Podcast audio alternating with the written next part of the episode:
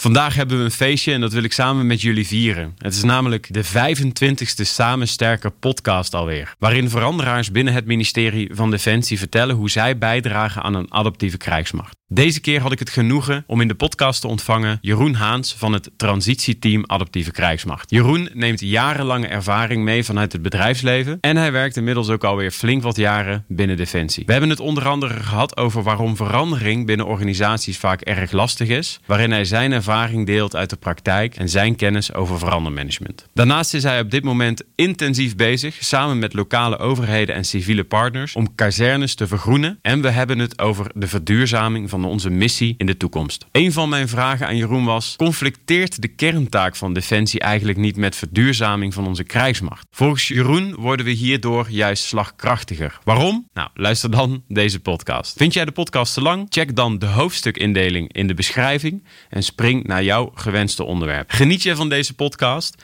en denk je dat deze waardevol is voor onze collega's? Deel, like of reageer dan even. Beste luisteraar, geniet van deze podcast met Jeroen Haan. Het ministerie van Defensie. Een bedrijf met gepassioneerde, trotse en talentvolle mensen. In deze podcast verbinden wij deze mensen zodat ze samen sterker worden. Zoek Samen Sterker podcast en luister of kijk via YouTube, Gpal, iTunes, Spotify of Soundcloud. Hey uh, Jeroen, nogmaals, goedemorgen. Goedemorgen. Ik heb je nog niet eens gevraagd trouwens. Neem gerust een slokje koffie. Ik zit hier met Jeroen Haans voor de mensen die op dit moment luisteren. Weer een nieuwe Samensterker podcast. Um, en ik heb je niet eens uh, de beste wensen gewenst. Verzoenlijk. Dus uh, de beste wensen nog, Dank collega. Van hetzelfde, Danny. Leuk je weer te zien ook. ja, echt hè? Na, na bijna een jaar. Dat is bizar hè? Ja, in maart was het uh, de eerste. Ja, ja. En toen ben ik volledig online gegaan en jij bent je op allerlei andere projecten gaan storten. Maar uh, voor de luisteraar, uh, wij zitten eigenlijk allebei in hetzelfde team. Met wie heb ik het genoegen voor de mensen die jou niet kennen? Ja, nou, Jeroen Haans, weet je zij. Um, 41 jaar, vader van twee hele leuke kinderen. Um, waardoor vorig jaar uh, niet alleen een heel bijzonder jaar was door wat er gebeurd is met COVID, maar ook omdat onze dochter is geboren. Elina in mei. Uh, heel anders dan, dan bij de geboorte van mijn zoon. Uh, maar goed, dat is ook niet zo gek natuurlijk met, met alle COVID-perikelen. Um, ik woon in Amersfoort. Geboren en getogen in Amsterdam. En sinds 2018 uh, bij Defensie in dienst. Um, en met heel veel plezier. En ik denk ook wel dat, um, dat voor mij vorig jaar, wat jij zegt net van we hebben elkaar ook een tijdje even niet gezien, digitaal gegaan. Ik denk dat vorig jaar voor iedereen uh, echt een game changer is geweest ook. Zeker voor onze eigen organisatie. Om over digitaal te spreken. Um, ja, en, en naast dat het heel heftig is geweest, zeker voor mensen die dierbaren hebben verloren, uh, is het denk ik voor mij en mijn gezin ook wel weer een heel mooi jaar geweest. En we hebben ook wel echt gekeken naar de dingen die wel kunnen. Uh, dus wat ik heel mooi vond, is het voordeel dat we ik veel thuis was. Dus in de aanloop naar de geboorte, dat ik inderdaad ook echt veel voor mijn zoon kon zijn. Uh, veel erop uit geweest met z'n tweeën. Uh, zeker toen hij niet naar de opvang kon. Maar ook uh, ja, niet s ochtends vroeg meteen in de trein moeten springen, maar gewoon even rustig naar de opvang kunnen brengen. Mm-hmm. Dat soort dingen. Dus ja, het heeft ook wel iets heel moois gebracht ja. deze uit, ja, dit jaar. Ja, jaar. herkenbaar. Is het niet dan dat we dat misschien als mensen wel een beetje nodig hebben, af en toe? Zo'n zo'n crisis bedoel je? Of, uh... Ja, crisis vind ik te groot om dat hier op een podcast te zeggen. Maar um, laten we het bij die tijd houden met een uh, gezin. Dat, um, want klaarblijkelijk is het dus mogelijk om het werk vanaf huis te doen en op die manier uh, um, het werk ook te doen. Nou, ik denk het wel. En ik denk dat het voor ons, het zit in onze natuur natuurlijk vanuit Defensie om elkaar fysiek. We zijn natuurlijk heel fysiek gerichte organisatie. Uh, maar ik denk zeker dat, uh, uh, ook in het kader van duurzaamheid gaan we straks nog wel over hebben. Um, het helemaal niet gek is dat je niet vanuit alle hoeken van het land naar elkaar toe rijdt om twee uur te vergaderen en dan weer allemaal weer terugrijdt. waarbij je niet alleen heel veel tijd kwijt bent, maar ook nog de nodige uitstoot hebt. Uh, denk ik dat er veel meer digitaal kan. En ik hoop ook echt uh, dat er wat van dit soort. Als je kijkt van wat wil je houden, uh, wat wil je, wil je loslaten. Hoop ik echt dat we hier ook een beetje aan vasthouden. Ja. wij hebben af en toe, ik heb mijn vriendin het gevoel gehad dat we een beetje in het, ja, het Zweedse model zaten. Zij was thuis, ik was thuis. Uh, dat gaf heel veel rust ook. En het is niet dat je er helemaal niks meer kan doen, helemaal niet. Um, maar ik was, wel, ik was ook wel blij met, eh, met de rust. Het, samen kunnen lunchen bijvoorbeeld lekker in de tuin. Ja. Ja, of op tijd gewoon uh, de kleine halen zonder dat je met zweet om de oksels in de trein zit omdat je het net gehaald hebt. Dus ja, ja ik vond het wel, uh, ik vond het ook wel waardevol. Mooi. Ja. Ja. ja.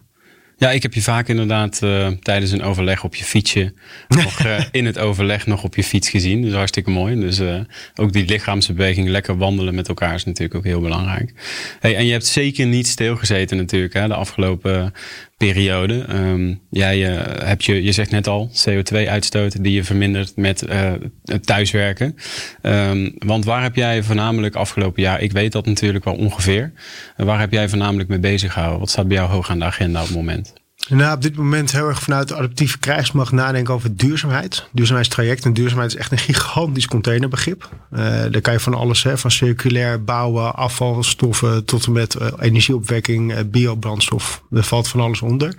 Maar waar ik vooral bij kijk, is dat ik um, bij de lopende initiatieven die er al zijn binnen Defensie aanhaak om te kijken hoe kan je daar vanuit adaptieve krijgsmacht het verschil maken. Dus hoe mhm. kan je met anderen uh, die duurzaamheidsdoelstellingen die wij als Nederland hebben, klimaatakkoord van Parijs, uh, maar ook als organisatie uh, doelstellingen hebben. Hoe kan je die nou realiseren um, zonder dat ja, de, je de enige bent die daar nou, voor in de buidel moet tasten of heel veel effort moet, moet insteken? Mm -hmm. Daar gaan we zo ook nog op terugkomen, want ik heb natuurlijk een prachtige in november film van jou gezien waar je dit ook allemaal ja. vertelt. Daar komen ze allemaal op terug, want je zegt de relatie tussen duurzaamheid um, en adaptiviteit. Um, even ter herhaling, want um, het is vanuit adaptieve krijgsmacht aangevlogen dat we deze podcast zijn gestart. Hè? Ja. Wat is een adaptieve krijgsmacht volgens jou? Ja, nou, eigenlijk is de adaptieve krijgsmacht iets wat er eigenlijk al heel lang was en nog steeds is. Um, adaptiviteit bestaat voor mij uit drie, drie belangrijke pilaren. Um, in eerste instantie uh, is het beschikbaarheid boven bezit. Dat is best wel een enge bij ons. Want wij hebben, zijn gewend bij Defensie om overal zelf bezit van te hebben. Denk maar als wat rijdt, vliegt en vaart. Um, vraag ook af of je daar meteen aan moet denken bij adaptiviteit. Maar beschikbaar boven bezit. Uh, een ander element, en dat vind ik ook bijvoorbeeld heel mooi uh, tot uiting komen in het ecosysteem van Hanna Ghost, haar ecosysteem, is het uh, werken vanuit gezamenlijke doelen, of een gezamenlijke doelstelling die je hebt, maar wel met behoud van je eigen belang. Mhm. En het is helemaal niet raar om uh, een, een doel te hebben wat je, wil wat je ambieert als organisatie. Um, terwijl je daar niet een direct gelijk belang in hebt. Of op een andere manier dat belang wil invullen. Mm -hmm. Dat is de tweede pilaar. Uh, en de derde pilaar, en dat noem ik maar het verschil maken in elkaars DNA. En daarmee bedoel ik van hoe kan je nou op basis van je eigen krachten, je capabilities, uh, zoals je dat mooi noemt in het Engels. Um, hoe kan je nou bij elkaar het verschil maken in elkaars DNA? Dus het moet meer zijn dan een financiële prikkel. Mm Bij Defensie zijn wij gewend dat wij toch vaak de totempaal zijn waar de leveranciers en partners omheen dansen. Maar hoe kan je nou een van die mede-Indianen worden? Ja, en dat zijn eigenlijk voor mij de drie, de drie belangrijkste kenmerken. Dus mm -hmm. beschikbaarheid boven bezit, uh, werken vanuit je belang en daar ook eerlijk en transparant in zijn. Um, en uiteindelijk inderdaad uh, uh, het verschil maken in elkaars DNA. Dus dat het een langdurige relatie wordt. Ja, ja. Eh, als ik het je hoor zeggen, zo op een rij, denk ik, uh, wauw, ja, klopt inderdaad. Um, maar gelijk ook zie ik dat er nog steeds best wel veel weerstand is. Uh, want je zegt het zelf al, vooral de eerste pijler, beschikbaarheid boven bezit. dat is nogal wat. Um, is iedereen daartoe in staat? Ja, ik, ik, denk dat iedereen er wel toe in staat is. De vraag is of je het overal moet willen. Kijk, ik ben ook van mening dat het natuurlijk een beetje ridicuul is. In die zin om te gaan denken dat we opeens uh, 97's uh, gaan leasen of zo. Ja, ik denk niet dat je dat moet willen.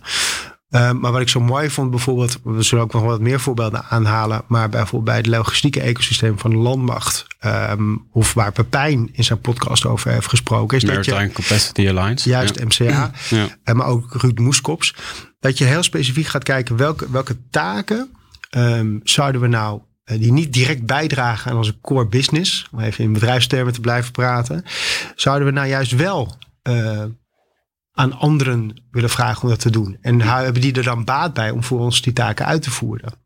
Ja. Um, wat winnen zij ermee? Hè? Dat is weer dat werken vanuit gemeenschappelijk belang. Als wij iets kwijt kunnen, omdat het niet per se bijdraagt aan, aan de effectiviteit van ons bedrijf, ja.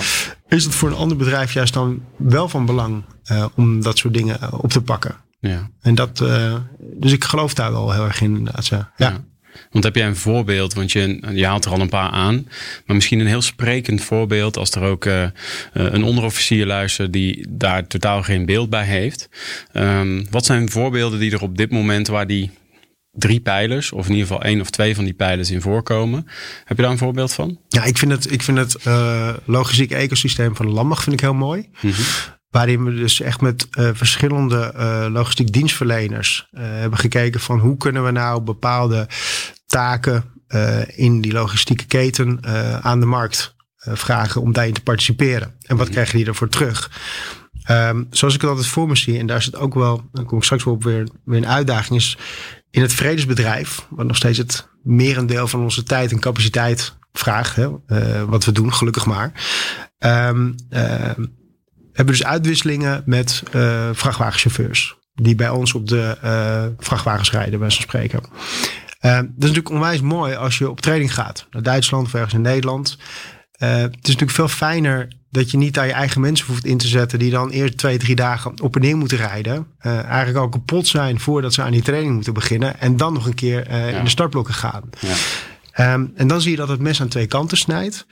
Want het is natuurlijk onwijs leuk voor een vrachtwagenchauffeur of een, een vrouwelijke vrachtwagenchauffeur. Is dan denk ik meteen aan een man.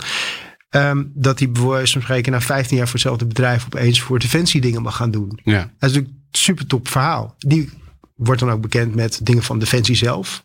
Ja. Hoe wij werken. Komt misschien tot nieuwe inzichten. Maar hij heeft sowieso een mooi verhaal om weer te vertellen op de werkvloer. Ja. dat, dat is wat ik bedoel met die belangen. Hè, waarbij het ons belang is dat onze jongens en meisjes uh, goed uitgerust aan die training starten. Mm um, is het belang voor zo'n uh, logistiek dienstverlener bijvoorbeeld. Dat zijn mensen, uh, nou ja, verandering van spijs doet eten. Ja, ja, iets nieuws mee maken. Waardoor ze het leuker vinden om daar ook weer te blijven werken. Nou, op die manier kijk je naar elkaars belang. Ja. Dat, ja, dat zie je met MCA ook. Dat, ja. Uh, ja. Ja, en je ziet wat er gebeurd is. Hè. Als je naar het MCA kijkt, uh, mede verantwoordelijk ook uh, voor het bergen van de, uh, de NA90 helikopter. Een, een, paar weken geleden, geloof ik. Um, waar je ook zag dat inderdaad verschillende bedrijven, Mammoet geloof ik, Defensie en nog wat bedrijven, ik doe nu bedrijven tekort, excuses. Um, maar dat zij inderdaad de, de armen ineengeslagen hebben. Ze hebben allemaal, denk ik, ook andere belangen. Ja. Ehm, maar dienen wel een gezamenlijk doel. Is dat ook wat je bedoelt? Ja, inderdaad. Uh, ook omdat ze bijdragen aan dat doel. Ja. Uh, ja, kijk, en, en, en waar ik zelf binnen, binnen het transitieteam verantwoordelijk voor ben, is met name om te kijken hoe kan je naar die behoefte, hè? want jij zegt net heel terecht van uh, die luitenant, uh, kolonel, uh, kapitein, wie dan ook, die zegt van goh, ik wil op een adaptieve manier mijn behoeften gaan invullen. Mm -hmm. um, um, ben ik verantwoordelijk geweest voor, zoals we dat zo mooi noemen, de interne lijn binnen ons transitieteam. Mm Waarbij we dus kijken hoe kunnen we meer de bedrijfsonderdelen, uh, dus denk aan inkoop, juridische zaken, finance, uh, integriteit. Uh, nou ja, ik zal niet de afkortingen gaan gooien, omdat de mensen die niet bij Defensie werken dan het kwijt zijn. Maar hoe gaan we die clubs nou meenemen? Of eigenlijk, hoe laten we die clubs ehm, de behoeftesteller, zoals we dat zo mooi noemen, ondersteunen? Dus hoe gaat die ervoor zorgen dat dit ook kan? Want we zijn nogal best wel gebonden aan regels uh, als het gaat om samenwerken met partijen. Nou, het kom je niet aan als overheidsorganisatie. Behoeftesteller is eigenlijk een ander woord voor klant, zou je kunnen zeggen. Ja, de interne klant. Hè? Dus inderdaad, de, de man of vrouw op de werkvloer die zegt van... ik wil op het gebied van mensenmiddelen of manieren... wil ik uh, uh, nou ja, met een andere partij gaan samenwerken. Ja. Ja. Hey, eh, het stukje duurzaamheid. Hè? Uh, we hebben nu een aantal voorbeelden die niet alleen duurzaamheid raken. Maar um, waarom um, past adaptiviteit, een adaptieve krijgsmacht en duurzaamheid zo goed samen? Ja, dat is wel heel leuk hè. Nou, daarvoor wil ik eigenlijk ook even refereren aan het, aan het model wat we in het transitieteam hebben gemaakt. Dat is mhm. een, uh, een kwadrantenmodel. Um, uh, met vier, vier, uh, vier vlakken.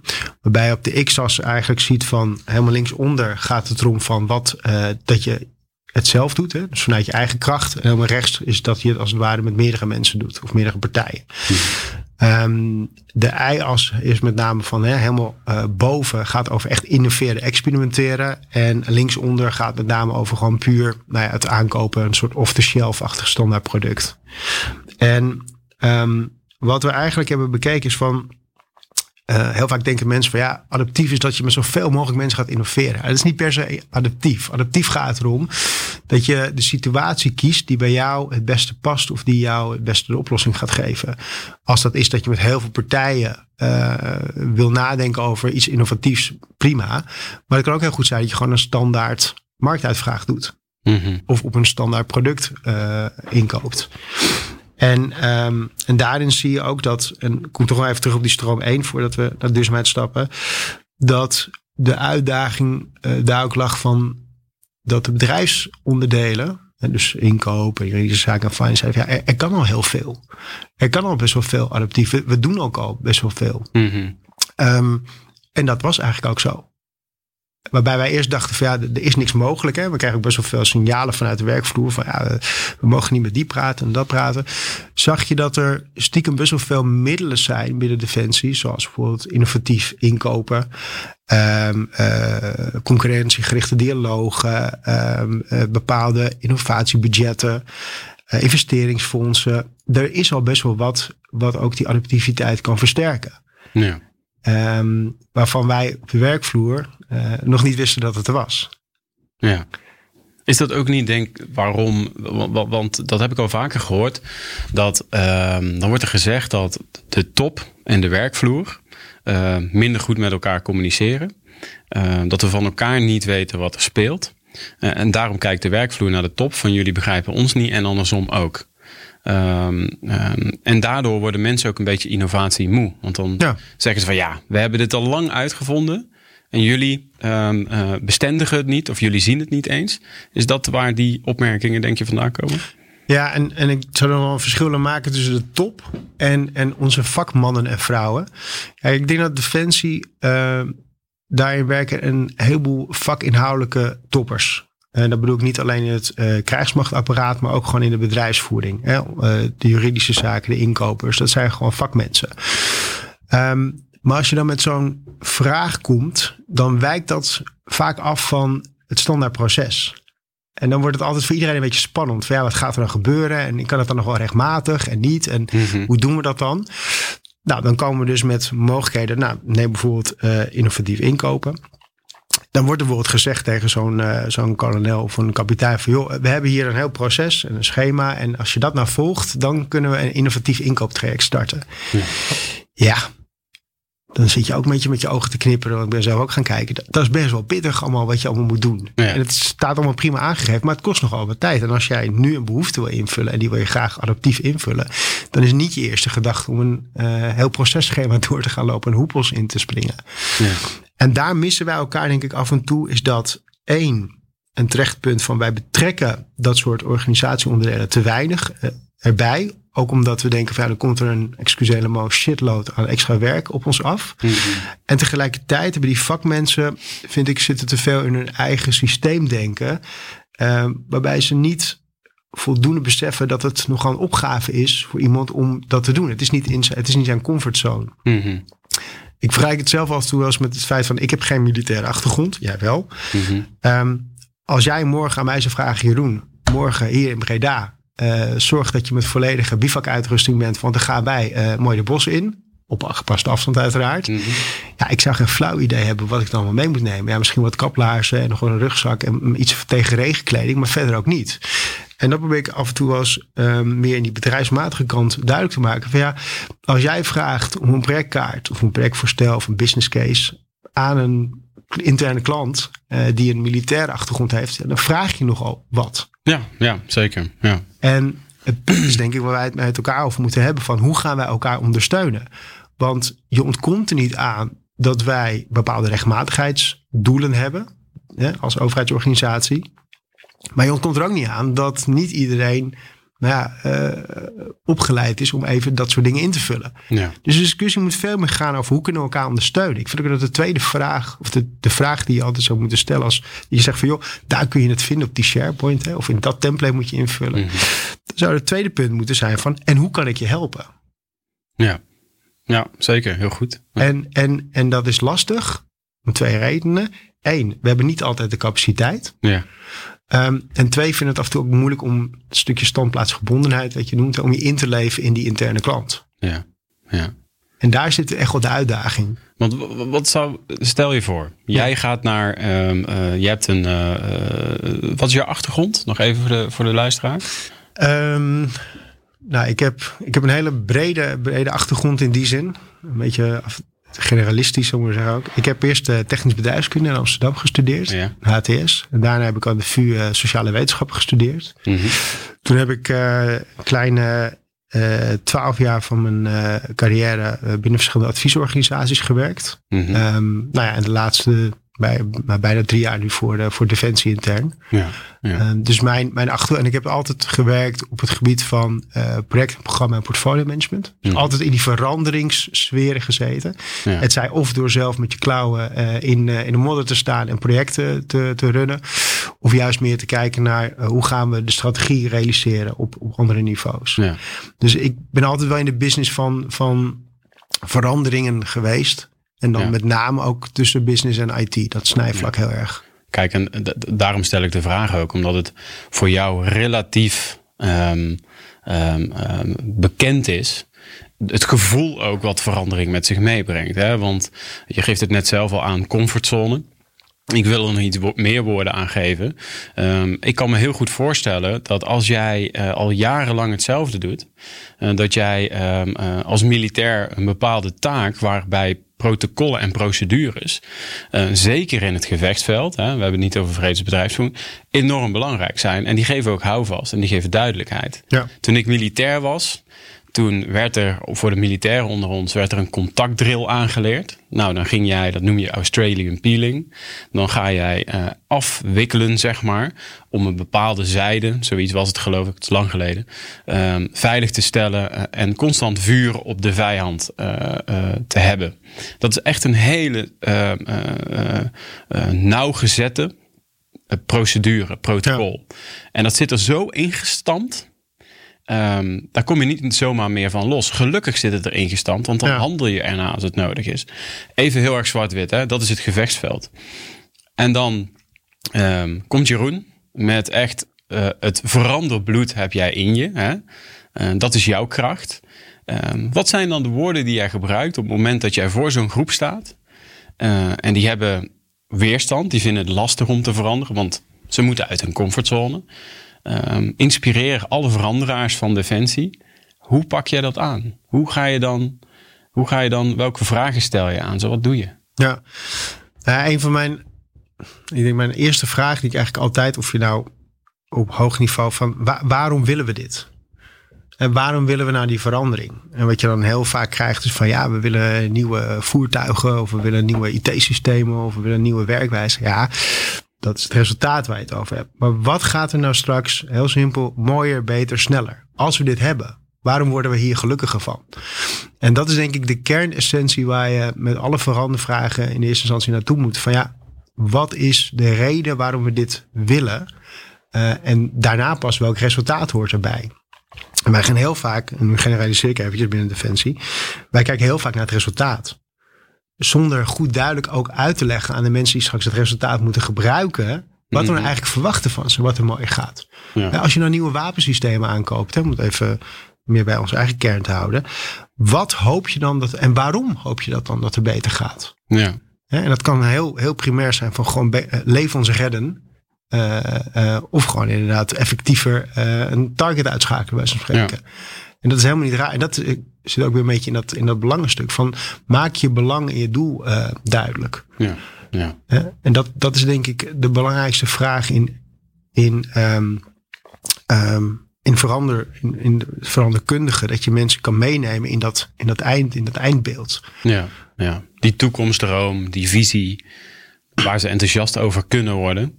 Want er zijn denk ik ook mensen die zeggen, uh, ja leuk Jeroen, maar... Uh, zoals het nu gaat, is het prima. Moet het wel mooier, sneller, beter? Nou, voor sommige dingen ook niet, denk ik. Nee, zeker niet. En een aantal andere weer wel. Kijk, als je ook weer teruggaat even op de adaptiviteit. waarom willen we dat? Um, kijk, Defensie heeft van uh, van oudsher, zeker voor de val van het IJzeren Gordijn, waren wij best wel heel erg in sync met die maatschappij. Ik kan me heel goed herinneren toen ik, uh, nou, ik denk dat ik een jaar voor acht was, gingen wij altijd naar, naar Turnhout. Uh, met mijn ouders en een camper. En dan gingen we inderdaad daar op de camping staan. Dat was een uh, boerderijcamping. Ik denk een van de eerste. Prachtig in de bossen. Was hartstikke leuk. En dan kon je als klein jongetje uit de Randstad... kon je dan uh, door de stallen heen. En, nou, hartstikke mooi. En ik kan me nog heel goed herinneren. Dat op een gegeven moment stonden daar twee militairen. Van de landmacht. En die stonden bij die stal, die stonden te kijken. En die hadden het over, over dingen die ze daar konden plaatsen. En, en tanks of iets dergelijks. En toen ik inderdaad bij Defensie werk, heb ik dat eens voorgelegd aan een, uh, aan een kolonel. Ik zeg, wat, wat gebeurde er nou, nou? Hij zegt, ja, hij zegt van, toen gingen wij, wij konden uh, van hier tot en met ongeveer de grens wisten we wel waar we bepaalde zaken uh, konden uh, wegzetten in, in gebouwen of garages. of wisten we waar we bepaalde voorraden konden, konden neerleggen, et cetera, et cetera. Dus die, die link met die maatschappij was ook veel hechter. Mm -hmm. nou ja, en, en, en dat is best wel de laatste tijd weer uit elkaar getrokken. Ja, ja, En dat zie je nu ook wel een beetje met, met de crisis of met de, met de COVID-pandemie. Uh, uh, dat het best wel even, even zoeken is van wat, wat is de rol die wij als defensie daarin willen innemen. En dus dat ligt ook heel erg aan onze identiteit. Wie ja. willen we zijn? Ja. En waarvoor zijn we op aarde? Nou, dat zijn wel de grote en meest slepende vragen. Maar als je dan weer teruggaat op dat adaptiviteitsstuk, is dat wij van origine um, het idee hebben van wij moeten alles kunnen en willen. En dat is niet meer duurzaam. Dat is niet meer te, te realiseren. Ja. A, het kost te veel. Het kost gigantisch veel als je natuurlijk een organisatie wil bouwen die alles kan. En wij doen ja, alles, hè, van zeker. broodbakken tot met raketten de ruimte inschieten. Ja. Of daar in ieder geval aan deel mee nemen. Um, en het is ook niet realistisch omdat we allemaal vissen in dezelfde capaciteitsvijver. En er zullen ook genoeg toppers zijn in Nederland die helemaal niet voor een defensiecarrière willen kiezen, maar voor een burgerbedrijf. Maar die we eigenlijk wel stiekem nodig zouden hebben. Ja. He, dus daar, daar komt het adaptiviteitsstuk naartoe.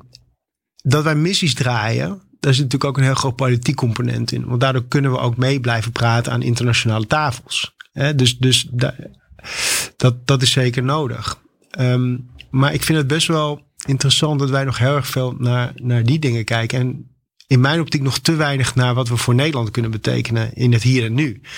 En um, daar gaan we straks nog wel op, op dat duurzaamheidsstuk, op het duurzaam opwekken, opslaan en distribueren van energie op kazerneterreinen.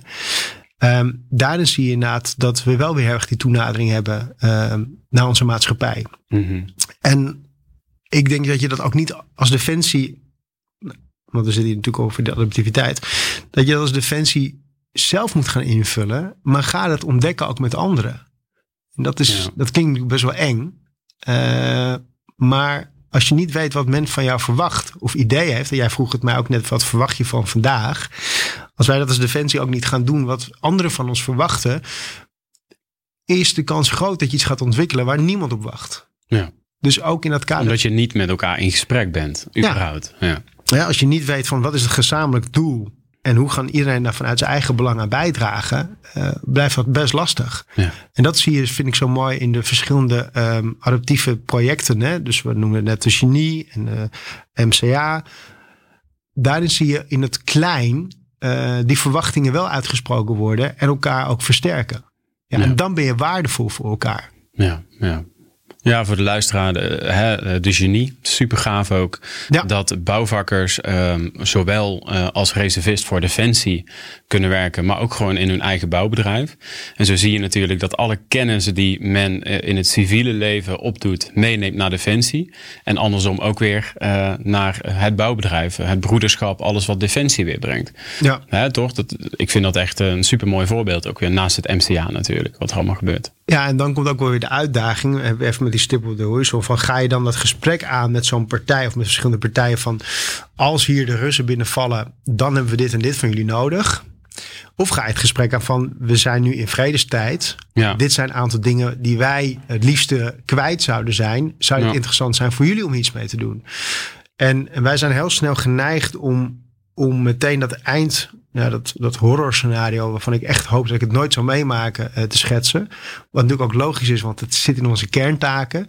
Maar waarbij je moet afvragen of je vanuit de transformatie, de transitie niet gewoon eerst wat kleiner moet beginnen bij iets wat voor de mensen die willen participeren in zo'n samenwerking veel tastbaarder is. Ja. Want ja, ik geef het je te doen als jij als logistiek dienstverlener in één keer te horen krijgt van ja, en jouw mensen moeten ook uh, tot aan het front kunnen rijden, bij wijze van spreken. Ja, holy moly. Ja, dat is, Daar is niet voor getekend. Terwijl als je vraagt van joh, zouden zij met name voor trainingen spullenboel op en neer kunnen rijden, is dat al een eerste stapje. Ja. dus het tweede component van wat ik inderdaad ook zo'n zo'n groep zou voorhouden, is van begin ook klein. Um, en ga vanuit daar verder werken. Ja behapbare stukjes, ja. succeservaring en weer verder. You can't swallow an elephant in once. Ja, inderdaad. En dat, uh, dat is in dit soort dingen ook. Ja. Hey, het stukje duurzaamheid. Um, um, ik denk dat dat wel iets is waar we allemaal het nut en noodzaak van in uh, kunnen zien.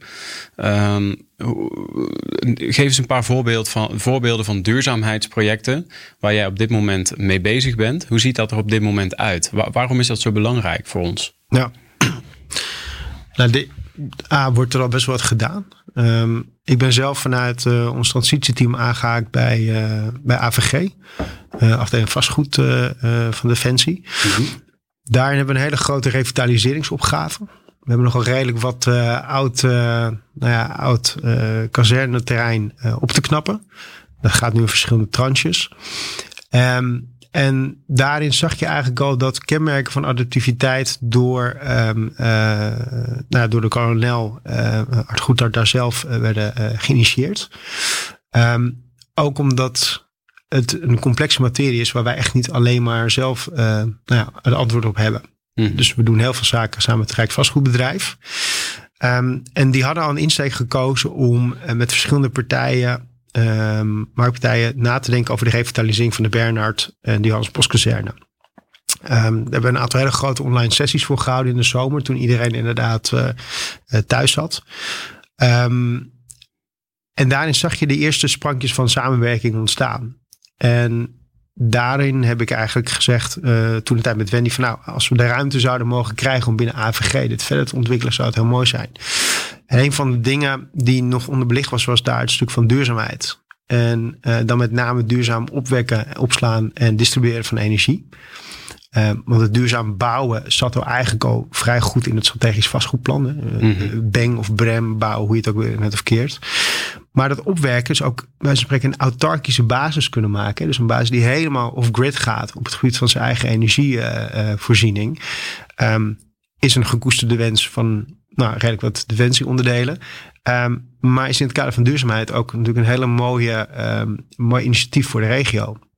En als je het dan voor elkaar krijgt om meer op te kunnen wekken dan je zelf nodig hebt, kan je ook nog bijdragen aan de doelstellingen van de BV Nederland op het gebied van de energietransitie. Ja, ja. Nou, en, en daarin zie je inderdaad iets moois gebeuren. Dus dat wij eigenlijk.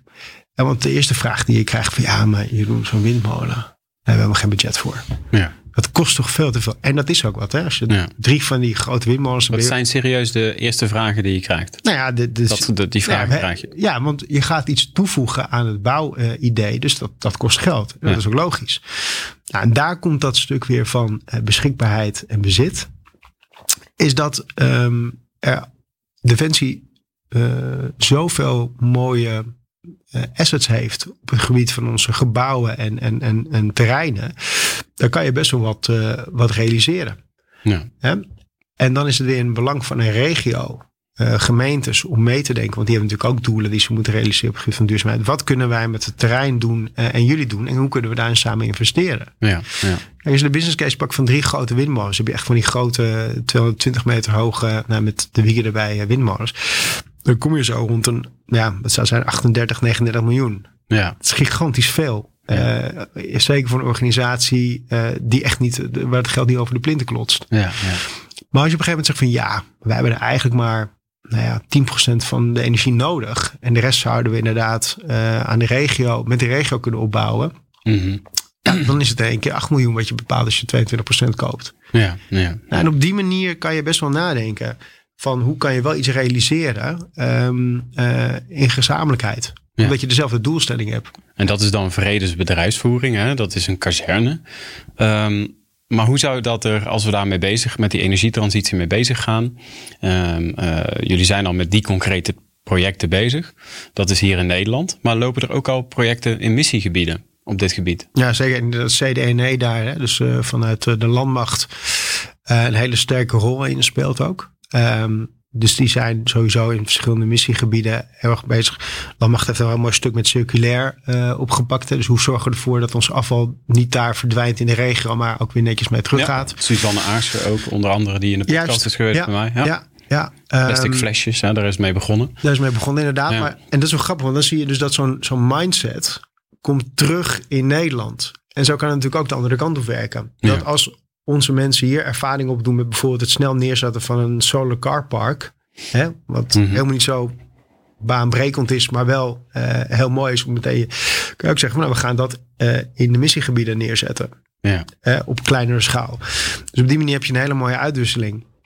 Dus ik denk ook dat, kijk, de grootste klappers, hè, dat is ook zo mooi wat uit het traject komt van de energietransitie, het programma Energietransitie van Toelai Berg, is the biggest bang for the buck.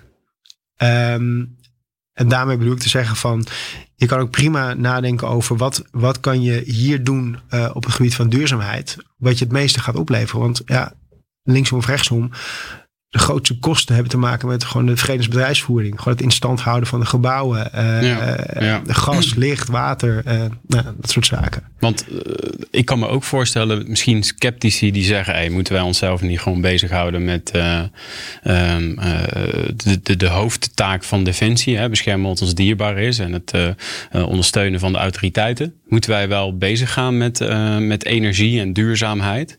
Ehm, wat zou je tegen hen willen zeggen? Nou ja, dat, en voor de mensen die inderdaad dit ook kijken, misschien een mooi de plaat van de kazerne als energiehub. Ik denk namelijk dat het heel mooi te verweven is in die taakstelling. Met name die derde hoofdtaak. Mm -hmm. Stel je nou eens voor. Um, ik heb mijn twijfels of de Russen hier ooit, zullen we maar zeggen, uh, binnen zullen vallen. maar er zijn genoeg andere mogelijkheden. Um, die, en dat zie je nu ook in Amerika, met de cyberhacks en de cyber. Eigenlijk zijn we stiekem um, uh, ook wel in oorlog op het gebied van cyber. Hè, wat er gebeurt daar uh, is echt heel heftig. Dat beseffen we ons misschien niet, want alles goed loopt. Maar daar, daar wordt echt wel flink, uh, nou ja... Uh, Sterker nog, ik zag in het nieuws dat ehm, de criminaliteit, die was 4% volgens mij afgenomen tijdens de coronaperiode. En afgelopen week was volgens mij de cybercrime was met iets van ja. 20 of 30 procent toegenomen ja. tijdens corona. Dus dat geeft het al aan. Het. Daarom. Ja. En stel nou eens voor dat het dus lukt uh, om Nederland of delen van Nederland af te sluiten van de elektriciteit. Moet je nadenken wat er binnen 24 uur gebeurt of 48 uur. Als mensen straks inderdaad niet meer naar hun werk kunnen. Als verzorgingshuizen uh, van de grid zijn. Als, als er niet meer gepind kan worden. Als niet meer betaald kan worden. Dat is natuurlijk gigantisch heftig. Het zou natuurlijk prachtig zijn als op dat moment um, er lichtjes, letterlijk en figuurlijk, opgaan van defensielocaties, kazernes, waarin die stroom kan worden teruggeleverd aan het net. Um, waarin we dus inderdaad, bij wijze van spreken, misschien met voertuigen, supercharged batteries naar bepaalde zorghuizen kunnen rijden, zodat ze de aankomende 48 uur wel uh, gewoon uh, warm eten kunnen krijgen. Ja. Of op een warme dag dat de airco het gewoon doet. Ja. ja. dus ik denk dat je als defensie veel meer ook kan kijken, wat kunnen wij in het land hier betekenen? Op het gebied van die duurzaamheid. Ja. dus dat onze, onze, ons uh, proces in ieder geval ook gewoon door kan gaan. En we daarmee uh, de BV Nederland kunnen ondersteunen. Ja. ja, als een soort backup eigenlijk. Ja. Defensie als... krijgt dan een backup functie van stel dat het. Uh, maar dat kan ook een storm zijn natuurlijk. Dat hoeft geen oorlog te zijn. Nee, tuurlijk. En, en dat kan heel breed gaan. En die duurzaamheid is in die zin denk ik ook heel mooi. Omdat um, we daarmee ook bijdragen aan de maatschappelijke impact verkleinen de, de, de, de footprints verkleinen. En als we dat samen kunnen doen met de regio. Uh, we doen dat nu bijvoorbeeld heel actief um, met de gemeente uh, Amersfoort, uh, gemeente Westerveld, Steenwijk. Um, die heel erg enthousiast ook zijn over het feit dat Defensie zo open staat om daarover mee te denken. En, en mind you, hè, want ons belang blijft nog steeds die hoofdtaken en inzet en gereedstelling. Dus het kan natuurlijk niet zo zijn dat wij windmolens gaan neerzetten op oefenterrein. Ja. Dat werkt niet echt lekker met aanvliegroutes. Um, maar dan nog steeds durf ik echt wel te betwisten iedereen die roept van dat kan niet. Dat er echt nog wel plekken zijn waar het wel kan. Ja. En dat wordt ook door ons eigen militair apparaat ook gezegd van er is wel ruimte om hier en daar wat te doen. Um, dan zeg ik van ja, ga dan dat gesprek aan met de regio. Mm en uh, ondanks het feit dat je ook nog kan betwisten van ja, maar is dat dan uh, economisch rendabel genoeg? Kan je ook zeggen van nou, de business case is misschien meer om die samenwerking te versterken. Dat is ons ook wat waard om in te investeren. Ja. Dan dat we de goedkoopste stroomprijs uh, betalen. Ja, ja, Met die, uh, met die windmolens of die zonnepanelen. Dus er zitten, dat vind ik het mooi van adaptiviteit. Je kan veel, de spin-off van iets adaptief oppakken is vele malen groter dan alleen een kostenbesparing. Vele malen groter. Ja, want eh, worden we er slagkrachtiger van als krijgsmacht? Nou ja, ik denk het wel. Nou, ik weet eigenlijk wel zeker. Kijk, met duurzaamheid hebben we het net over gehad. Maar als je bijvoorbeeld zegt dat je ehm, in, als je dus bepaalde taken vraagt om door de markt op te laten pakken. Of samen doet met de markt. Nou, neem nou bijvoorbeeld het cyberstuk van eh, ook van weer van het HR-ecosysteem. Waarbij we een contract hebben getekend uh, voor samenwerking met uh, een van de grote banken. Mhm. Om inderdaad daarin uit te wisselen. Um, jongens en meisjes vanuit die kant die met cyberdefense te maken hebben, hebben ook weer nieuwe kennis en kunde. Die brengen dat in. En vice versa.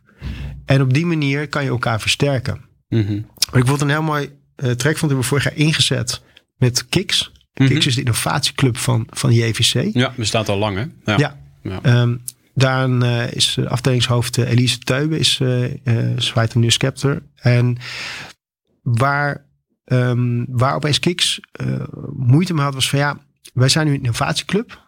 Um, maar hoe richt je nou een goede innovatieclub in in zo'n grote organisatie als Defensie? Nou, dan kan je twee dingen doen.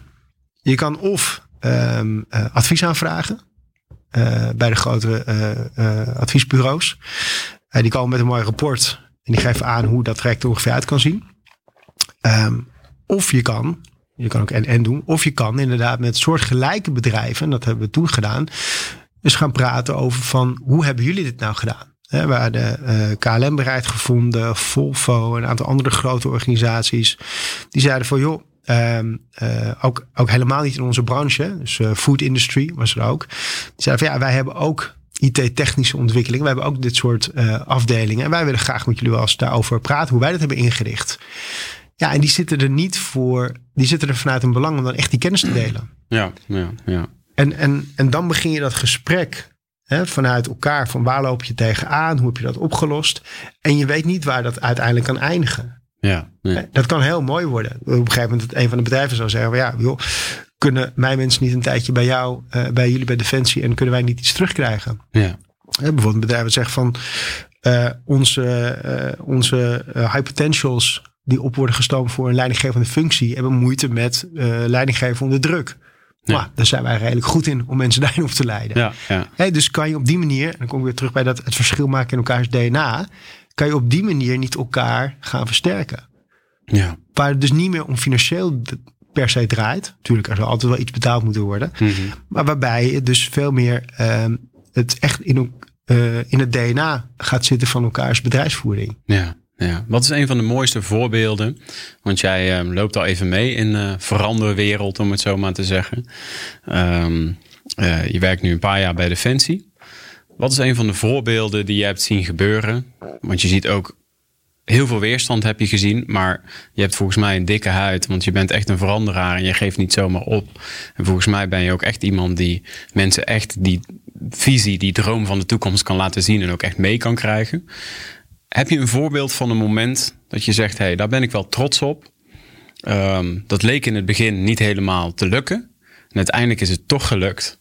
En wat is daar dan uitgekomen? Ja, en ik denk dat dat was in september dit jaar, of oktober. Uh, ik noemde net al inderdaad uh, de revitalisering van de Bernhard en de Johannes Postkazerne. Dat was de sessie waarbij we met de lokale overheid, uh, dus de gemeente die ik net noemde, provinciën, ondernemers, op het gebied van verduurzaming, verduurzaam bouwen, mm -hmm. maar ook de eigen onderdelen van de landmacht. Uh, met name generaal Schonewille die daar zat. Maar ook de, de meer bedrijfsvoerende afdelingen zoals uh, Defensie Vastgoed, uh, Management, AVG waar ik net over had. Ehm, het transitie, energietransitieteam, ons eigen team. Met die hele groep zaten we bij elkaar. En gingen we praten, gingen we dromen. Uh, echt met grote kaarten van de JPK. Van wat kunnen we hier aan, aan energie uh, opwekken? Ja. En voor wie heeft dat voordeel? En toen bleek er in één keer dat daar een enorme waterstofcoalitie uh, wordt ontwikkeld door de gemeentes en partijen. En toen bleek ineens van, goh, wat kunnen we dan voor elkaar betekenen? En hoe gaan we dat dan invullen? En dat vond ik echt het, het mooiste, omdat we alle partijen die in de keten, als je straks iets wil starten, bij het begin betrokken. Ja. Daar zag je in één keer dat iedereen een beetje zijn, zijn guard, uh, zijn, zijn weerstand liet, liet varen van waarom iets niet kon. En ja. in de modus kwam van waarom het wel kon. En willen mensen delen? Wilden mensen ja, delen? Tuurlijk, ja? enorm.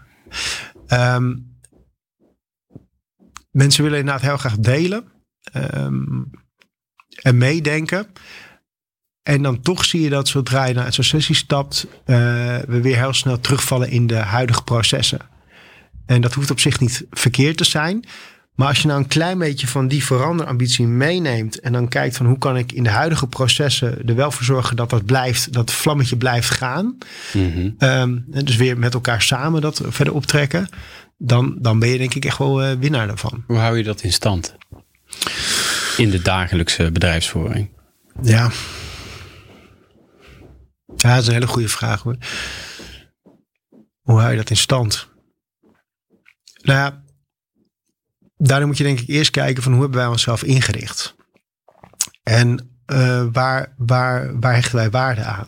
En wij hechten waarde aan dat dingetjes gebeuren en dat iedereen de juiste handtekeningen op het juiste document heeft gezet. Dat we daarmee uh, verwachten dat eventuele risico's worden uitgesloten. Mm -hmm. En ik denk dat je hier een, een een heel interessant punt raakt van... Um, uh, wij hebben nu dingen ingericht op een manier waar ik uh, afvraag, ook mezelf met die adductiviteit, ondersteunt het de beweging voldoende? Hè? Ondersteunen onze huidige manieren van financiering, inkoop, wat ondersteunt dat de verandering genoeg? betekent dat je eigenlijk misschien eerst die, die eigen organisatie uh, wat meer moet gaan uh, inrichten, dat dit soort dingen kunnen ontstaan. Mm -hmm. En wat je daar ziet is dat um, uh, het leidinggevende, leidinggevende uh, um, laag die wij hebben, um, zie je vaak dat dat ook mensen vanuit de inhoud zijn. Dus echt de, ook de vakmensen. En dat is heel goed als je een proces hebt wat gewoon moet gaan. Dus de vakmannen en managers, die weet je, wat je bij de Albert Heijn hebt, de filiaal houden. Die moet gewoon zorgen dat ze winkel draait en dat die goede omzet draait. Mm -hmm. Maar als je wil veranderen, heb je een ander type lijnen nodig. En ik heb uh, een tijdje geleden een heel leuk uh, stuk gehoord van uh, Jetske Kramer, een cultureel antropologe. Die zei van um, in de Native Americans, dus de Indianen zoals wij ze noemen, um, die hadden eigenlijk altijd twee, twee hoofden, twee chiefs. Je had de White Chief en de Red Chief. Uh, de White Chief was verantwoordelijk dat er op tijd geoogst werd, gezaaid werd, de ceremonieën werden voltrokken. Die moest eigenlijk voor zorgen dat het dorp gewoon kon bestaan. De Red Chief werd uh, daarnaast gezet als er oorlog was, rampspoed of iets anders. Dus die had een andere mindset. Dus als die Red Chief oorlog moest voeren, dan zei hij tegen de White Chief: Ik heb een aantal medicijnmannen nodig die meegaan naar het veld. Ja. Lever die, uh, et cetera, et cetera. Ja, ja, en en um, ik wil nou niet meteen iedereen binnen Defensie een rolboer te geven van, oh jij moet er nou uh, overal uh, twee mannen of twee vrouwen gaan aanstellen die red en white gaan spelen. Um, dat zeker niet. Maar ik denk wel dat je als organisatie heel duidelijk moet, bewust moet zijn van, willen we met deze afdeling gewoon hè, running the business, gewoon mm -hmm. doen wat ze moeten doen? Of moeten we een veranderslag maken? Moeten dingen beter, mooier, sneller kunnen? En waarom dan? Ja. En ik denk dat het heel belangrijk is dat je dus kijkt vanuit die capaciteitskant. Van welke capaciteiten van die, van die manager of die leider of die, dat hoofd, mm -hmm. afdelingshoofd, hebben we dan dus nodig? Ja. Uh, daar moeten we denk ik wat meer bewuster de keuzes in maken. Want het zijn echt andere capaciteiten. En ja. in ons leiderschapsmodel noemen we dat ook zo mooi. Hè? Een leider heeft de vier windrozen van vakman, leider, manager en coach. Ja. Nou, je kan ze nooit alle vier uh, zijn. Uh, je bent altijd één of twee van dat soort unieke elementen. Of je hebt een voorkeur. Of je hebt een voorkeur inderdaad. Ja, ja. Dus wees jezelf als organisatie bewust van... hebben we hier een verandering te maken? En wat voor type uh, hoofden zetten we daar dan aan het roer? Ja. Um, en dat is ook niet voor de eeuwigheid, hè? Mm. dat zijn fases. Ja, ja. Is het ook niet zo dat, dat kwam in de podcast met, met bataljonscommandant van het 17e Panzerinfanteriebataljon Garderegiment Fusiliers Prinses Irene. Hoppakee. Um, voor de luisteraar uh, inderdaad het, uh, het 17e. naar voren, George Dimitriou. Die gaf aan, hij heeft een stuk geschreven over leiding geven vanuit angst of vanuit vertrouwen. en in die podcast ging het ook heel erg over dat ons rangensysteem ehm, toch wel een beetje die angst aanwakkert. Want de een is hoger dan de ander. Uh, noem maar op dat we meer moeten gaan denken vanuit rollen. Dus waar ben jij goed in? Uh, jij pakt de social media op. Je staat niet in je functiebeschrijving, maar je bent er wel heel goed in. Dus laat vooral hè, vanuit passie en talent diegene dat doen. Uh, is dat ook niet ehm, in een constant ehm, veranderende omgeving met allemaal disruptieve veranderingen dat je ehm, uh, uh, misschien minder. Uh, we hebben een systeem opgetrokken met rollen of met, met, met rangen. Moeten we niet je eigenlijk dat wat meer los gaan laten en een andere manier van leiding geven daarin? Ehm, moeten we die windrozen niet tegen het licht gaan houden, of die nog wel goed is dan?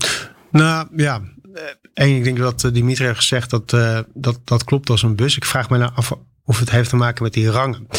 Kijk, waar ik voorheen werkte, had je ook een hele grote rangenstructuur. Hè? Uh, bij een consultancybedrijf daar heb je meestal, je begint als uh, junior consultant en dan word je consultant en senior consultant en junior manager, manager, senior manager. Nou ja, zo gaat dat dan dus doen. Omdat ze zeggen, je hebt al die ervaring van daarvoor nodig om op die positie te komen ja. van senior manager. Ja, um, alleen wat, je daar ook, wat ik heb geleerd in dat traject, is van jij kan alleen maar de volgende stap nemen als je een team onder je hebt wat jou naar boven duwt.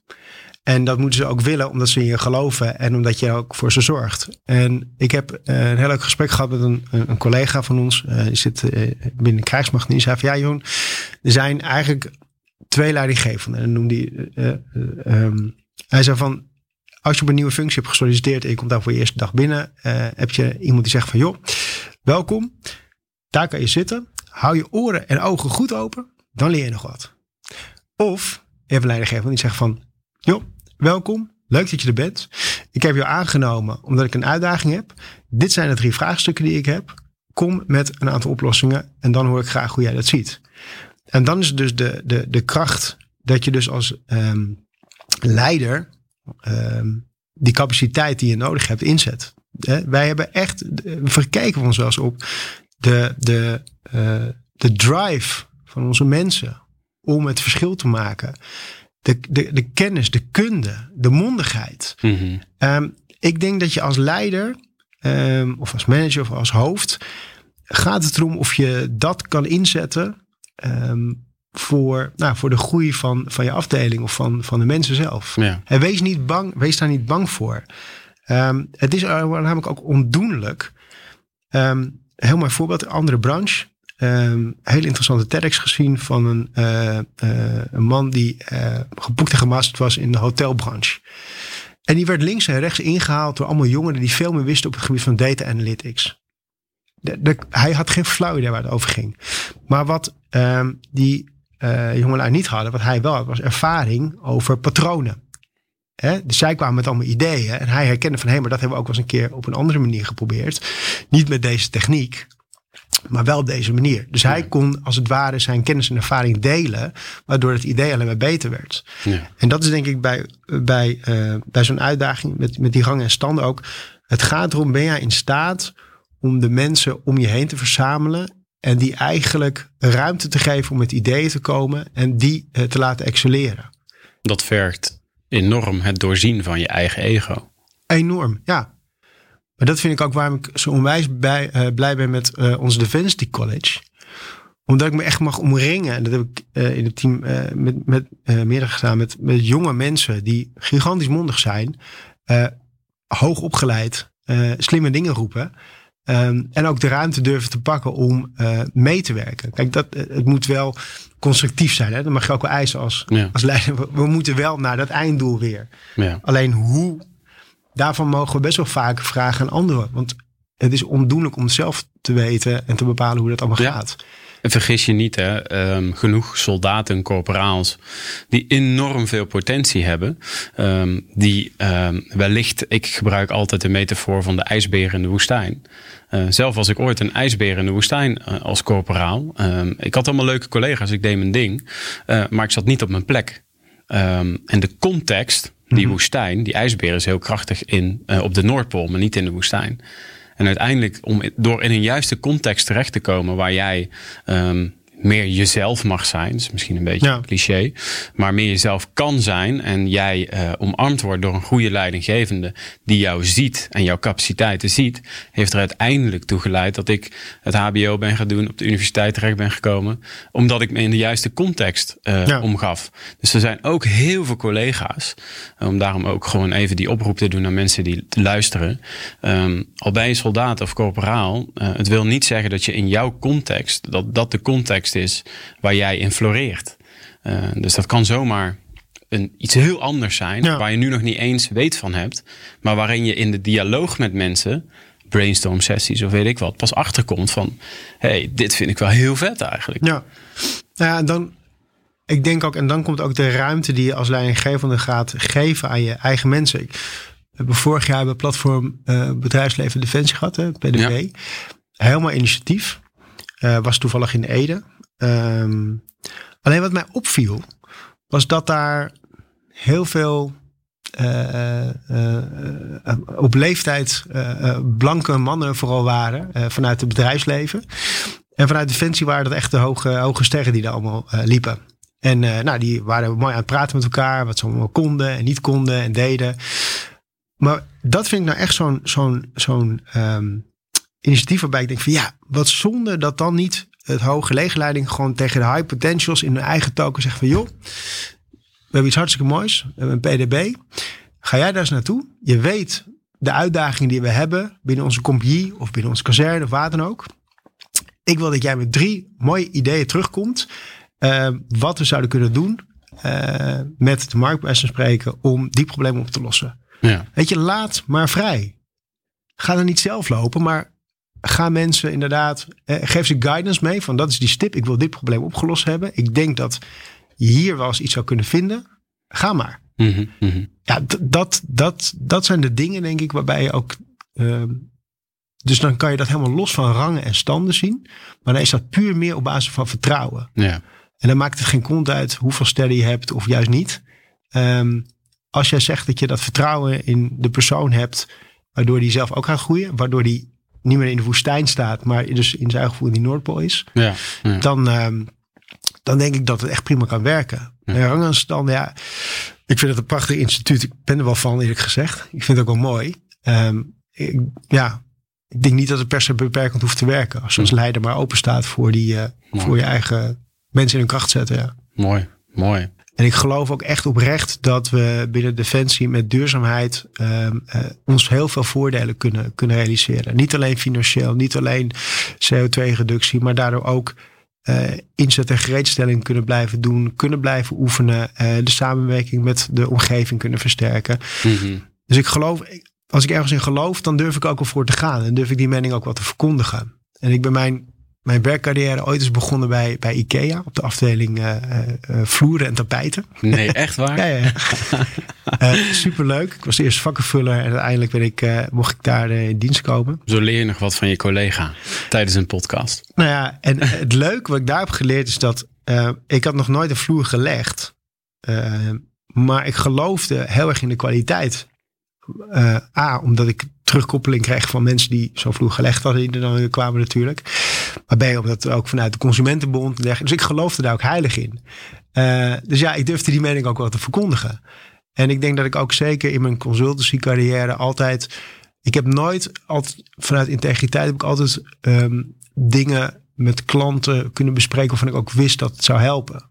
Ik ben geen autoverkoper die iemand iets door de strot heen duwt. En daarom geloof ik ook heel erg in de dingen waar we nu, ik geloof in het adaptiviteitsstuk, dat het ons echt gaat helpen. Mm-hmm. En ik geloof ook heel erg in die duurzaamheid, dat we daar voordeel uit gaan halen. Dus is ik, dat waar jij iedere dag je bed voor uitkomt? Ja, ja. En wat ik wel moet leren in deze rol is dat het echt niet, dat is het leuke om ook binnen het defensieapparaat te mogen werken, dan word je opeens geconfronteerd met alle andere zaken die er spelen. In plaats van dat je vanuit de zijlijn uh, staat te roepen hoe het moet.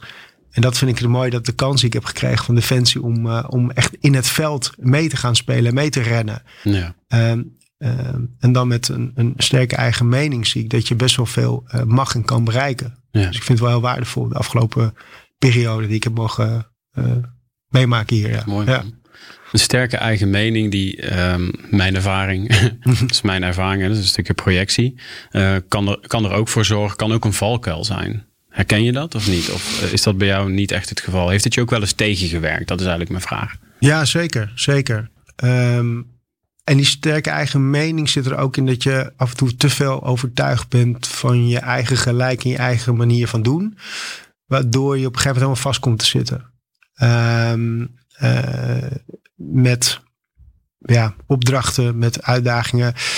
Um, nou, met, met zaken binnen Defensie ook. Uh, het tijdig accepteren van ik loop nu ergens tegenaan wat ik niet kan oplossen. En dat was, dat is niet mijn natuurlijke uh, uh, gedrag om dan direct hulp te vragen.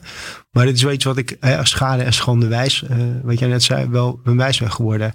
En als je die hulpvraag stelt, dan sta je iedere keer weer ja, ik sta dan weer iedere keer vol verbazing. Dat komt misschien ook niet verwacht. Maar vol verbazing te kijken hoe, hoe graag mensen je daarin willen helpen. Ja.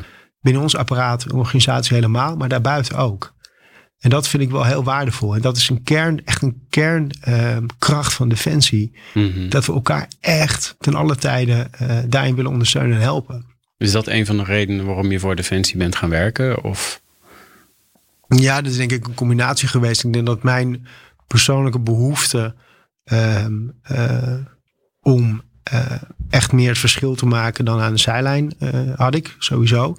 Daarbij, ik heb altijd gewerkt um, binnen de uh, overheidsorganisaties, hè, lokale overheid en, en uh, meer ministeriële overheid vanuit een vorige werkgever. Dus ik wist wel dat ik dat heel erg leuk vond. Ik heb ook voor de banken en vliegtuigmaatschappijen, dat was niet helemaal mijn, mijn cup of tea. Maar ik wilde echt wel eens onderdeel zijn van die organisatie. En ik, ik ben ervan overtuigd dat Defensie echt is een van de mooiste ministeries die er zijn. weet je, ik gaf net aan bij bakken brood tot en met raketten de lucht in. Maar tegelijkertijd hebben wij zo'n mooie culturele, uh, historische achtergrond. Uh, zijn er zoveel verschillende organisatieculturen in één organisatie. Hebben we te maken met mensen die geen opleiding hebben, tot en met mensen die eh, de meest chique PhD's in het buitenland hebben gehaald. En alles wat daartussen zit. Dus het is zo'n fascinerende organisatie om verandering in te mogen realiseren. Um, en dat maakt ons ook zo rijk. en ook een mini-maatschappij, hè? noem ik het wel eens. Dat zijn we 100 procent. Ja. 100 procent. Ja. Dus nee, ik, uh, ik, ik ben heel blij met, uh, met uh, de ruimte en de kans die, ja. die ik hier heb. Ja. Als je een aantal verschillen zou moeten noemen tussen het bedrijfsleven wat je mee hebt gemaakt, de krachten en de krachten van Defensie, wat zijn die dan? Um, nou, laat ik eerst dan beginnen bij de krachten van meer het bedrijfsleven. Ik denk dat daar is af en toe ook de doelstellingen zijn wat simpeler, waardoor ook de reden om sneller dingen te realiseren makkelijker is. Um, er zit natuurlijk altijd, uh, welk bedrijf je ook kijkt, zit een winstoogmerk. Want je wil bestaan, uh, je wil uh, omzet draaien. Dus ideeën kunnen sneller ten uitvoer worden gebracht als er duidelijk wordt gemaakt dat het bijdraagt aan dat doel. Dat is mhm. logisch. Um, maar tegelijkertijd is dat niet een, altijd een hele duurzame uh, manier om met je mensen om te gaan. Uh, er kan te veel druk op komen, te veel stress. Uh, ja, dat is denk ik ook weer de valkuil, de, kanttekening. Um, de kracht bij, bij Defensie die ik ervaar, naast dat de hulp, hulp die je geboden wordt als je erom vraagt.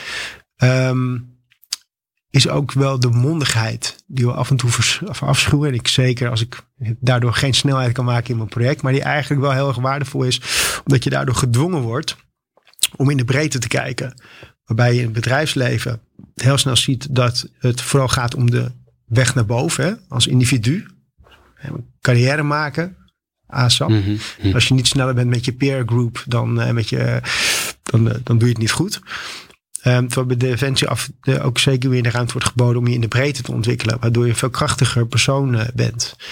En ik heb in 2012 ook tegen een, uh, burn-out aangezeten. Toen ging het persoonlijk en privé, het werk technisch even niet zo goed met mij. En toen maakte degene, de coach die ik had, die maakte helemaal even vergelijking van ja, als je heel snel groeit, als, als, als mens, als boom, dan wordt je stam heel dun.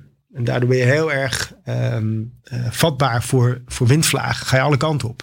Terwijl als je ook in die breedte groeit, ben je veel standvastiger. En dat heeft zeker uh, de afgelopen periode bij Defensie heb ik me enorm in die breedte mogen ontwikkelen. Dus ik voel me ook veel stabieler. Dat, uh, dat is wel heel fijn om, om dat zo te ervaren. Heeft dat ook te maken met uh, dat hulpvragen? Ja, ja, zeker. En dat zie je binnen ons transitieteam ook heel erg. Hè? Daarin is de hulpvraag stellen, is hem ook gewoon beantwoord krijgen op alle niveaus. Hè, onze onze leidinggevende Wendy, Wendy Kwaks is daar echt een ster in. Uh, die, die helpt op alle manieren hoe je kan. Of dat gaat ook persoonlijk of werktechnisch. Dus dat vind ik heel mooi. Maar dat zie ik ook terug bijvoorbeeld in een, in een groep als, waar ik bij mag aanhaken bij AVG. Uh, afdeling vastgoed. Als je daar ergens tegenaan loopt. Hoe zit dat? Hoe werkt dat? Nou ja, mensen maken tijd voor je vrij om je uit te leggen en je te helpen. Ja. Uh, maar dat zie ik ook als ik bij de klas ben uh, met generaal, uh, generaal Schonewille. Die net zo makkelijk die tijd voor je neemt. Ja. Weet je, dus dus dat, dat is echt wel, vind ik echt wel een uniek component van onze organisatie. Ja, ja. mooi. Hey, langzaam naar het einde kabbelend, Jeroen. Um, ik ben dan toch wel altijd een beetje op zoek naar die ingrediënten. Hè? Die, mm -hmm. Stel, er luistert nu een veranderaar. Um, jij doet dit werk al wat jaren uh, voor Defensie en nu binnen Defensie, verandering teweeg brengen. Um, welke ingrediënten zijn nu echt belangrijk um, als het even tegenzit? welke je altijd in je achterhoofd moet houden om zo'n verandering te laten slagen? Ja, nou, ik, ik weet niet of ik het ingrediënten zou, zou noemen, maar eerder een, een, aanpak. dat is iets wat ik vanuit mijn studie heb meegekregen. En dat is al, enigszins kan je zeggen, dat is redelijk gedateerd. Uh, aan de andere kant vind ik het wel een hele mooie aanpak. En dat heeft te maken met uh, het klaverbladmodel uh, van uh, Noordam.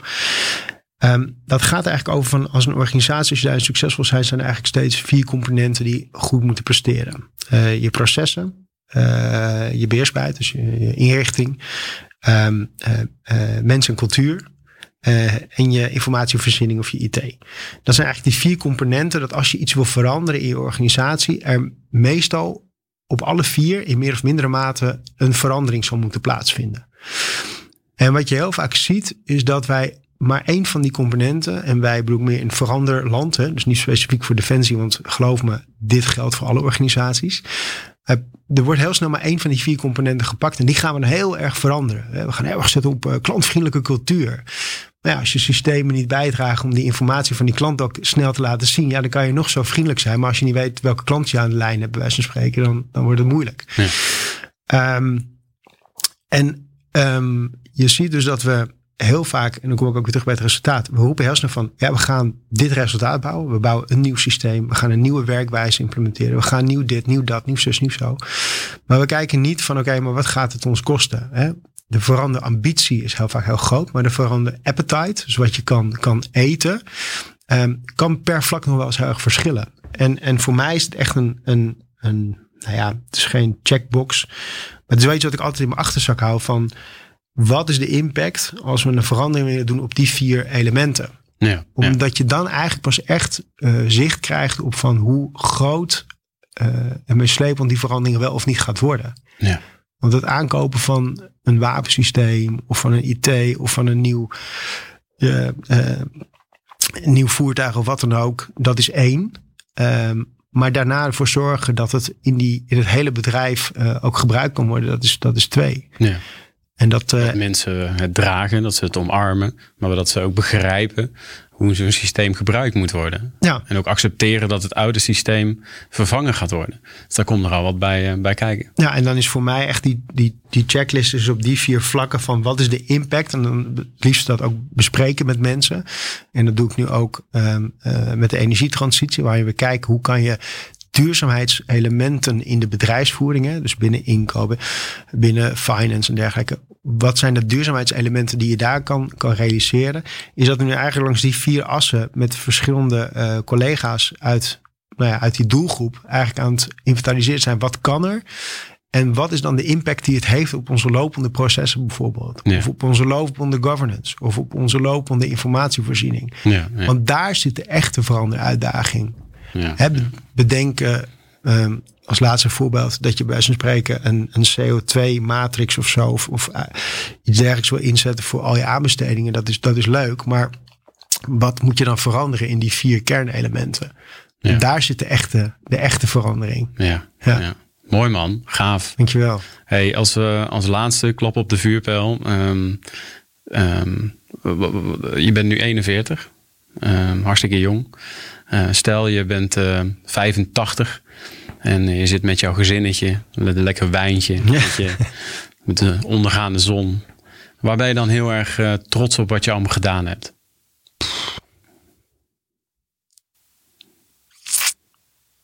Ja, ik vind dat een hele lastige.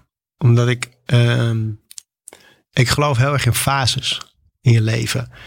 Ehm, ik heb mijn Amsterdam fase gehad, mijn studentenfase. En daarin heb ik hele mooie dingen gedaan. Dus ik, ik zou denk ik heel trots zijn in, in niet zozeer één groot meeslepend einddoel. Maar eerder van dat ik in verschillende fases in mijn leven ehm, dicht bij mezelf ben gebleven. En eh, heb geluisterd wat ik dan, waar ik toen behoefte aan had de, de stap om vanuit die consultancywereld naar Defensie te gaan. Die past mooi bij de fase waarin ik nu zit.